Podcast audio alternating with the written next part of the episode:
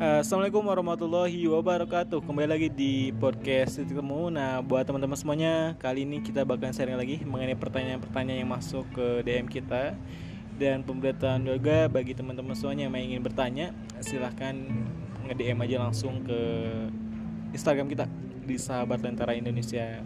Nah mungkin kita masuk ke pertanyaan-pertanyaan yang masuk sekarang aja ya Oke, silahkan Bang Ramdon kita sharingkan pertanyaan yang masuk ke DM kita. Oke, oke. Jadi gini nih, ada yang bertanya. Izin bertanya kakak admin mengenai hati hehehe. Ketika melakukan suatu kesalahan atau dosa, terus dia mencoba memperbaiki kesalahannya, tapi tak terbersit di hatinya penyesalan apa pun. Dia berusaha tidak melakukannya lagi, tapi tetap ketika bertaubat rasa nyesal itu nggak ada apa artinya hatinya sudah mati? Sehingga dia hatinya tidak tersentuh terhadap penyesalannya. Oh jadi gini kan dia tuh bertanya ketika dia tuh melakukan kesalahan. Yeah. tapi setelah itu tidak melakukan kesalahan itu lagi dan bertaubat. Tapi dia ngerasa tidak ada rasa penyesalan. Hmm. nah kira-kira taubatnya itu bagaimana? Dan dia bertanya apakah hatinya mati? Bagaimana yeah. tukang Samsul Ya buat teman-teman semuanya tadi ada pertanyaan mengenai hati ya mengenai kolbu. Nah alhamdulillah senang banget dapat pertanyaan ini. nah, buat teman-teman semuanya, untuk hal ini, pertama ada syarat mengenai pertobatan. Nah, syarat syarat tobat itu ada tiga. Pertama, menyesali perbuatannya tadi dilakukan. Kedua, berjanji untuk meninggalkan perbuatan tersebut. Dan ketiga, membenci perbuatan tersebut. Hmm, berarti ada tiga tahapan dalam bertobat ya kan? Nah, betul. Nah, si Tete tadi yang penanya menanyakan bertobat terus tapi tidak ada penyesalan. Nah sebetulnya itu tobat betul, tapi tobatnya belum sempurna kayak gitu. Hmm, Oke. Okay. Nah, jadi bagi siapa pun yang ingin bertobat, terus belajar bertobat, sempurnakan tobatnya, perbanyak istighfar, sholat tobat dan sebagainya, perbanyak ibadah juga. Tapi tahapan-tahapan itu harus dilaksanakan juga. Jadi harus ada rasa penyesalan terhadap apa yang telah dilaksanakan, telah dilakukan sebelumnya. Terus harus berjanji untuk tidak meninggal mening, berjanji untuk meninggalkan perbuatan tersebut. Dan juga yang ketiga harus membenci perbuatan tersebut. Terus berusaha. Nah, terus Kang gimana kalau misalkan terjumus lagi ya nah, dalam dosa? Itu gimana tuh Kang? Jadi eh, Habib Umar bin Hafiz pernah menyampaikan bahwa walaupun kita terjerumus sebanyak 10, 70 kali atau 100 kali dalam sehari ke maksiat yang sama, kita jangan pernah putus asa dan terus bertobat kepada Allah Subhanahu wa taala sampai uh, kita tuh benar-benar terus bertobat sama Allah Subhanahu wa taala. Walaupun kita dalam sehari misalkan terjatuh ke dalam dosa yang sama sebanyak 100 kali. Jadi kita harus bangkit terus untuk bertobat kayak gitu Bang Ramdon. Buat tetehnya juga. Oke berarti uh, tentang penyesalan tadi nggak apa-apa itu tetap dinamain tobat ya meskipun ah. nggak ada penyesalan tapi alangkah baiknya pertobatan itu diiringi dengan rasa penyesalan. Ya, betul. Jadi lebih sempurna lagi pertobatnya itu dengan ada rasa penyesalan. Oke mungkin dan ini juga buat teman-teman yang rasa bahwa Allah tuh tidak akan mengampuni kita ya Allah tuh mau pengampun. Uh, ampunan Allah tuh luas banget jadi ya jangan sampai berputus asa untuk bertobat dan mungkin semoga uh, pertanyaannya terjawab ya iya betul oh iya Bang Ramdan uh. mengenai hal ini nih uh, teman-teman saya ingatkan kembali ketika saya di Bandung Ustadz Hana atau kan terkenal tuh Ustadz Hana di Bandung ya hmm. base camp lah pemuda hijrah di sana terus ada juga Kang Hadi, Kang Hadi Boni iya oke okay. nah jadi sering menyampaikan bahwa Inna Allah sungguhnya Allah uh, inna uh, apa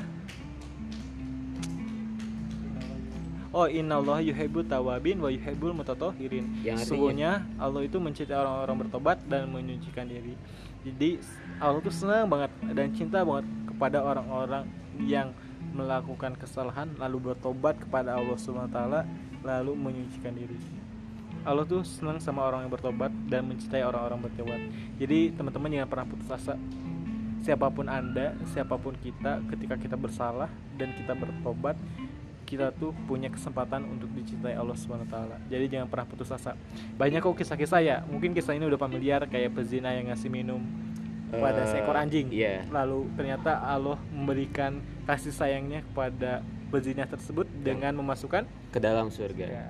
Jadi gitu. Iya. Jadi hikmahnya tuh jangan nilai orang dari yang sekarang ya, karena Ya. kan masa depan kita nggak tahu andai kata tadi pejinah kita pandang rendah dan Allah naikkan derajatnya karena ngasih minum anjing kan kita nggak tahu juga. Makanya ya seburuk apa pun kita seburuk apa pun teman-teman kita ya jangan nilai begitu cepat. Karena Allah tuh maha pengasih lagi maha penyayang. Andai kata Allah kasih hidayah Allah kasih karunianya dan akhirnya dia bertaubat dan lebih gitu mulia daripada kita kita nggak ada yang tahu ya udah mungkin semoga terjawab ya hikmah-hikmahnya bisa ditangkap oleh kawan-kawan semua Iya betul. Dan oh, oh satu lagi ya mengenai hati, apakah hatinya sudah mati atau belum? nah iya Nah buat teman-teman semuanya mengenai hati, sebetulnya siapa pun yang bermaksiat pasti Allah tuh akan sedikit-sedikit eh, menutup hati noda hitam di hati kita. satu titik Nah, satu titik ketika semakin banyak maksiat, maka noda-noda hitam di hati kita tuh kan semakin banyak sehingga tertutup. Nah, kalau di Al-Qur'an itu Ustaz Al Busoman pernah menyampaikan ada di surat Al-Baqarah kalau salah khatamallahu ala qulubihim wa ala samihim wa ala absarihim gisawah. yang artinya Jadi Allah tuh akan menutup hatinya was khatamallahu ala qulubihim wa ala samihim pendengaran wa absarihim dan penglihatannya. Gisawah penghalang. Jadi Allah tuh akan menghalangi eh, hati, pendengaran sama penglihatan. Contoh- Contohnya gini lah. Orang lain mah misalkan di Ramadan, terkadang orang tuh baca Quran tapi nangis. Kita biasa aja gitu. Terkadang gitu ya. ya kenapa tuh Ya itu hatinya mungkin- tertutupi kah atau Ya mungkin karena sering maksiat, endingnya hatinya terhalang ketika orang lain mah kajian nangis, eh kita biasa aja. Mungkin bisa jadi karena hatinya tertutup, terhalangi kayak gitu. Karena maksiat masih banyak noda-noda hitam di dalam hatinya. Atau juga misalkan kayak ini, adan di depan rumah nggak kedengaran ya, Hmm. Padahal gede. Tapi ada konser misalkan jauh banget dangdutan, eh kita Kedengeran. datang. ya misalnya tuh adan kita rumah kita misalnya di masjid nih Ah. dekat masjid adan tiap hari lah adan tiap hari eh kita biasa aja suatu nyantai aja Ah, tapi misalnya ada konser nih dangdutan jauh eh kok kita samperin nah mungkin Allah tuh nutup pendengaran kita Di Ya, pendengaran yang baik ah.